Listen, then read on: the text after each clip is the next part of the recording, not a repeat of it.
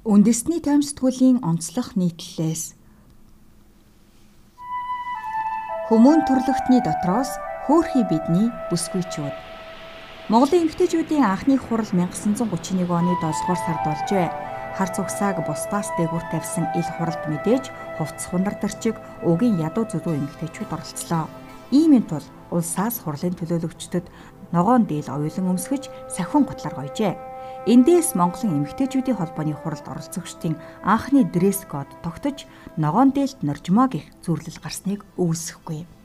Эмэгтэйчүүдийн байгууллага Монголд 1924 онд эмэгтэйчүүдийг боловсруулах тасаг нэртэйгээр байгуулагдсан бөгөөд анхны дараагаар нь пагамдуулан буюу Монголын шин цагийн утга зохиолыг үндэслэгч Нацаг Дөржин гэргий гадаадад академик боловсрал эзэмшсэн анхны эмэгтэй сэхэтэн гэж хэлж болох үс нэгэн өрсөлдөгчгүйгээр ажилласан.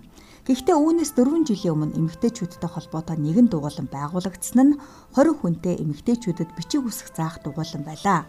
Ардын хувьсгалын үед уншиж чадах эмэгтэй эрэгтэй хүний харьцаа газар тэнгэр шиг ялгаатай байжээ.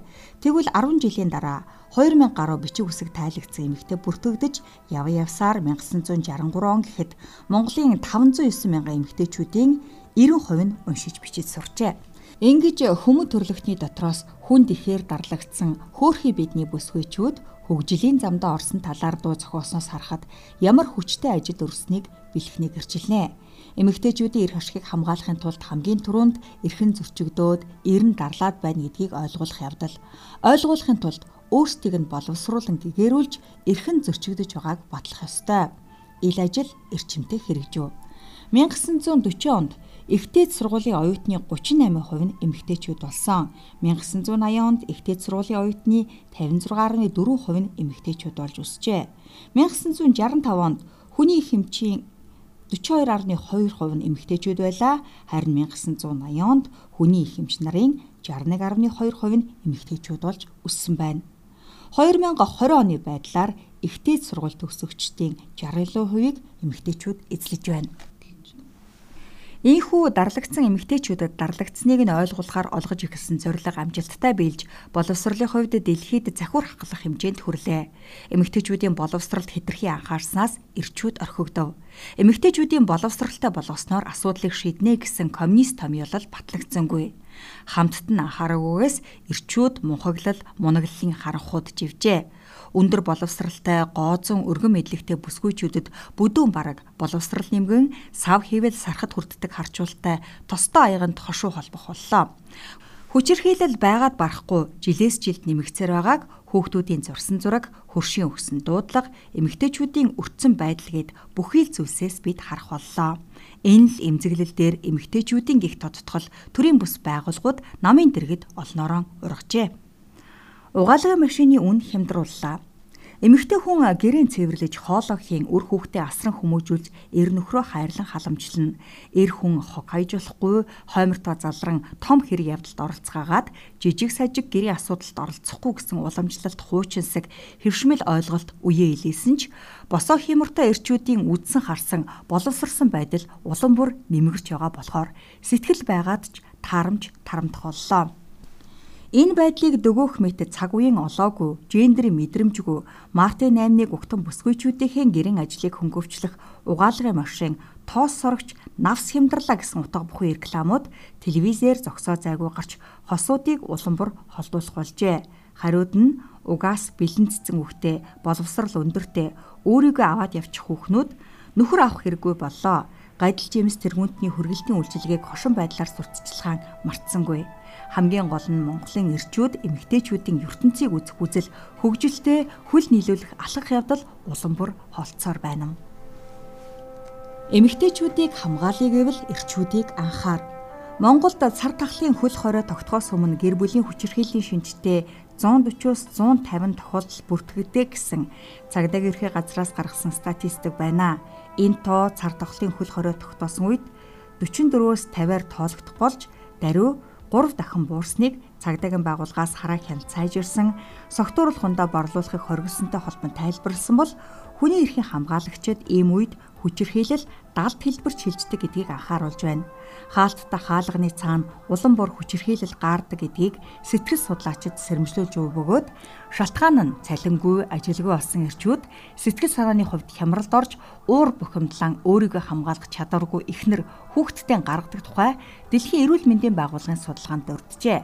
Гэтэл 2008 онд статистикийн хорооны гаргасан судалгаагаар 3 эмэгтэй тутмын нэг нь буюу 31.2% нь бие махбодын болон бэлгийн хүчирхийлэлд өртсөн гэсэн судалгааны дүн гарсан тухай өнөөгийн хөдөлмөр нийгэм хамгааллын сайд ариун заяа хэллээ. Өөр нэгэн анхаарал татсан үзүүлэлт гэвэл амиа хорлолтын статистик. Монгол улсад сүүлийн 15 жилийн хугацаанд жилд дунджаар 438 хүн амиа хорлжээ цаг чилжүүлж үзвэл 20 цаг тутамд нэг Монгол Хорватоо сайн дураараа салахаас хийж байгаа гэсэн үг. Тэдний 85% нь ирчүүд тэр дундаа 25-аас 35 насных дийлэх хувийг нь эзлэж байна. Энэ нь Дэлхийн эрүүл мэндийн байгууллагын гаргасан мэдээллээр амиа хорлолтоороо 3 дугаар чагсахад хүргэсэн байна.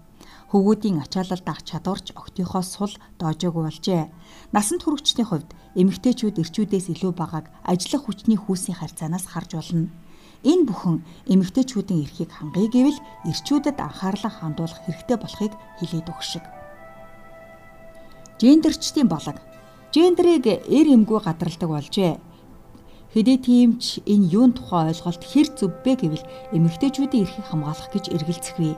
Гэхдээ тэгж хариулахаас өөр сонголтыг гендерчид олсонгүй. Эмэгтэйчүүдийн асуудлыг хэтэрхий нэг талаас харж асуудлын үндэс нь хаанаас хамааралтай байна гэдгийг судлаж эрхийн шинжилэлгүйгээр зөрчигдсөн эмэгтэйчүүдийн зохиолж байгаа жишээг тайлбарлан олон нийтэд ханддаг нь ийм эргэлзээнд хүргээд байна. Өнөөгийн Монголд эрчүүдэд зориулсан үйлчилгээ тэдэнд чиглэсэн үйл ажиллагааг уншигч та хуруу дараа тоолоод үзээрэй. Эмэгтэйчүүдийн асуудал дээр оршин тогтнож байгаа олон олон байгууллагын нэг нь Ердөөн тэд. Хүчирхийлэгч хин юм бэ? Тийм ээ, мэдээж эрчүүд. Гэхдээ түр азнаарай. Бичвэрийн эхэнд дурдсан статистик мэдээллийг эргээд нэг харъя харсан бол одоо боловсралгүй ажилгүй хэн болсныг та эргэн саналаа. Хүчирхийлэгч гэмт хэрэгтэн архичин тамхичин хийм бэ? Ирчүүд нэгэнтээ Марс руу эсвэл ангараг руу илгээгээд асуудлыг шийдэж болохгүйгээс хойш ухамсарт нь суулгаж эрчүүдээ багчраас нь хүчирхийллийн орчноос хол байлгаж боловсралд нь анхаарч гэмээн хүчирхийлэлтэй бодиттой тэмцэх болжээ. 100 жилийн өмнө эхлүүлсэн эмэгтэйчүүдийг соён гэгэрүүлэх бодлого 200% зорилготой хүрсэн. Одоо харин эргээд эрчүүдэн гэгэрүүлэх хөдөлгөөн өрнүүлэх хэрэг гарлаа. Эмзэг сэдвэр нь эмэгтэйчүүдийг өргөцсөн төрийн бус байгууллагуудыг татан буулгая. Монголд намын дэрэгт эмэгтэйчүүдийн байгууллага гэж ёс юм шиг бий. Олон намын тогтолцоонд шилжснээр эмэгтэйчүүдийн санал авахын тулд нам бүхэн холбооттой болсон. Тэр нь эмэгтэйчүүдэд эмэгтэйчүүдийн эрчүүдэд залуусын залууст оюутны гэсэн тодтолтоогоор үйл ажиллагаа явуулна. Эдгээр төрийн бас байгууллага байсаар буй батал эмэгтэйчүүдийн эрх зөрчигдсөөр байдаг нь үйл ажиллагаа нь өөр чиглэлтэй гэдгийг нотлоно. Энэ холбооныхан эмэгтэйчүүдийн эмзэг сэдвээр дөрүүлэн өөрсдийн байр сууриа бачуулахыг зорддог гэд хэлчихвэл үннээс хол зүрхгүй. Үнийг өнөөдрийн улсын хурлд байгаа эмэгтэй гишүүдийн жишээ бэлхэн харуулнаа. Дөнгөж төрсэн бүсгүйг дөн өвлийн хүүтэнд нүцгэн шахуу ачсан асуудал тэгдэж засгийн газрыг ганхуулахад ганцуг гам хийгээгүй эмгтээч гişүүд шин засаг байгуулагдахад эмгтээ гişүүдийн квотын тухай асуудлыг ичгүүр сонжуургүйгээр хүндэснийг хөндлөнгөөс хин хөнгүү харсан.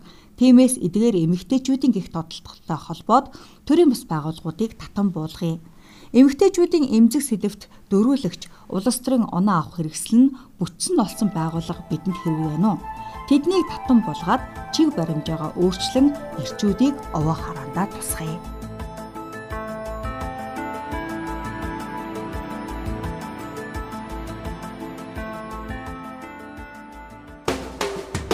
итгэж болох экссурулж.